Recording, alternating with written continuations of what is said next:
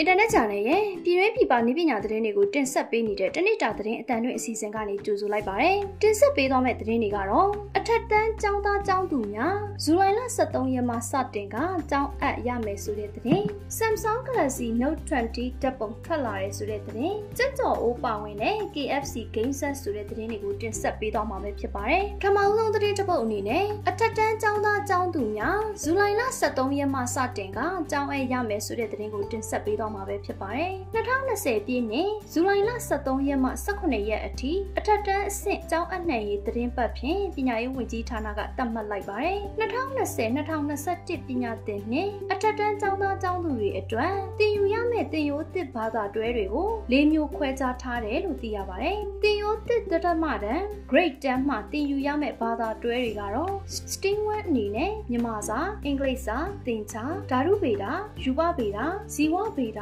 လူမှုရေးသိပ္ပံပထဝီတမိုင်းဘောဂဗေဒဇာရိတနဲ့ပြည်သူနီတိဘဝတွတ်တာကျွမ်းကျင်စရာကာယပညာသို့မဟုတ်အနုပညာပကြီးသို့မဟုတ်အနုပညာဂီတတို့ပါဝင်ပြီးတော့ STEAM 2အနေနဲ့မြန်မာစာအင်္ဂလိပ်စာသင်္ချာဓာတုဗေဒယူပဗေဒဘောဂဗေဒပထဝီတမိုင်းဇာရိတနဲ့ပြည်သူနီတိဘဝတွတ်တာကျွမ်းကျင်စရာကာယပညာသို့မဟုတ်အနုပညာပကြီးသို့မဟုတ်အနုပညာဂီတတို့ပါဝင်မှာပဲဖြစ်ပါတယ် STEAM 1အနေနဲ့မြန်မာစာအင်္ဂလိပ်စာသင်္ချာပထဝီဝင်တမိုင်းဘောဂဗေဒသိပ္ပံဓာတုဗေဒယူပဗေဒဇီဝဗေဒဇာရိတနဲ့ပြည်သူနီတိဘောတွတ်တာကျမ်းကျင်စရာကာယပညာသို့မဟုတ်အနုပညာပကြီးသို့မဟုတ်အနုပညာဂီတတို့ပါဝင်ပြီးတော့မြန်မာစာအင်္ဂလိပ်စာသင်္ချာစိတ်ကြိုက်မြန်မာစာဘောဂဗေဒပထဝီတမိုင်းသိပ္ပံဓာတုဗေဒယူပဗေဒဇီဝဗေဒဇာရိတနဲ့ပြည်သူနီတိဘောတွတ်တာကျမ်းကျင်စရာကာယပညာသို့မဟုတ်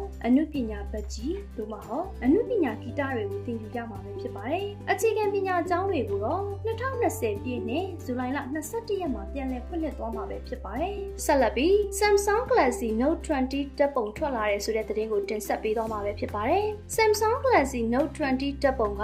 Samsung တရားဝင် website မှာမတော်တဆပေါ်လာပါတယ်။အခုဆိုရင်နာမည်ကျော်သတင်းအချက်အလက်ဖော်ထုတ်သူ Jimmy Is Promo ကလည်း Galaxy Note 20တပ်ပုံတွေကို Twitter မှာတင်ခဲ့တယ်။ Galaxy Note 20ဒါမှမဟုတ် Note 20 Ultra ကြောပတ်မှာ Glossy Black Finish ကိုအသုံးပြုထားတဲ့အတွက်ကြော်ရှင်းပါတယ်။ပေါက်ကြားထွက်ပေါ်လာတဲ့ဓာတ်ပုံတွေအရကင်မရာအစိတ်ပိုင်းတွေကပေါက်ကြားခဲ့တဲ့တရုပ်ဖော်ပုံနဲ့ဆင်ပါတယ်။ပုံမှန်ကင်မရာနှလုံးနဲ့ Darkman Studio Periscope တို့ကို downlight ထည့်သွင်းထားပါတယ်။ဒါအပြင် LED flash နဲ့ TOF ကင်မရာနဲ့ laser auto focus တို့လည်းပါဝင်လာပါတယ်။နောက်ဆုံးသတင်းတစ်ပုဒ်အနေနဲ့ကြက်ကြော်အိုးပါဝင်တဲ့ KFC Game Set ဆိုတဲ့သတင်းကိုတင်ဆက်ပေးသွားမှာပဲဖြစ်ပါတယ်။ပြီးခဲ့တဲ့လအစောပိုင်း KFC ရဲ့ gaming ဌာနက KF console အမည်အသစ်ထွက်မဲ့ game set အတွက်အမီးဗီဒီယိုကိုမိတ်ဆက်လိုက်ပါတယ်။ KFC game set ပုံစံ KFC တက်ကြော်ထဲတဲ့ပုံနဲ့ဆင်ပြီးတော့အနီနဲ့အဖြူရောင်သုံးထားတယ်။ game set အောက်မှာအခွေထည့်နိုင်ပြီးတော့ပါဝါခလုတ်လည်းပါဝင်လာပါတယ်။အတွင်းထဲမှာ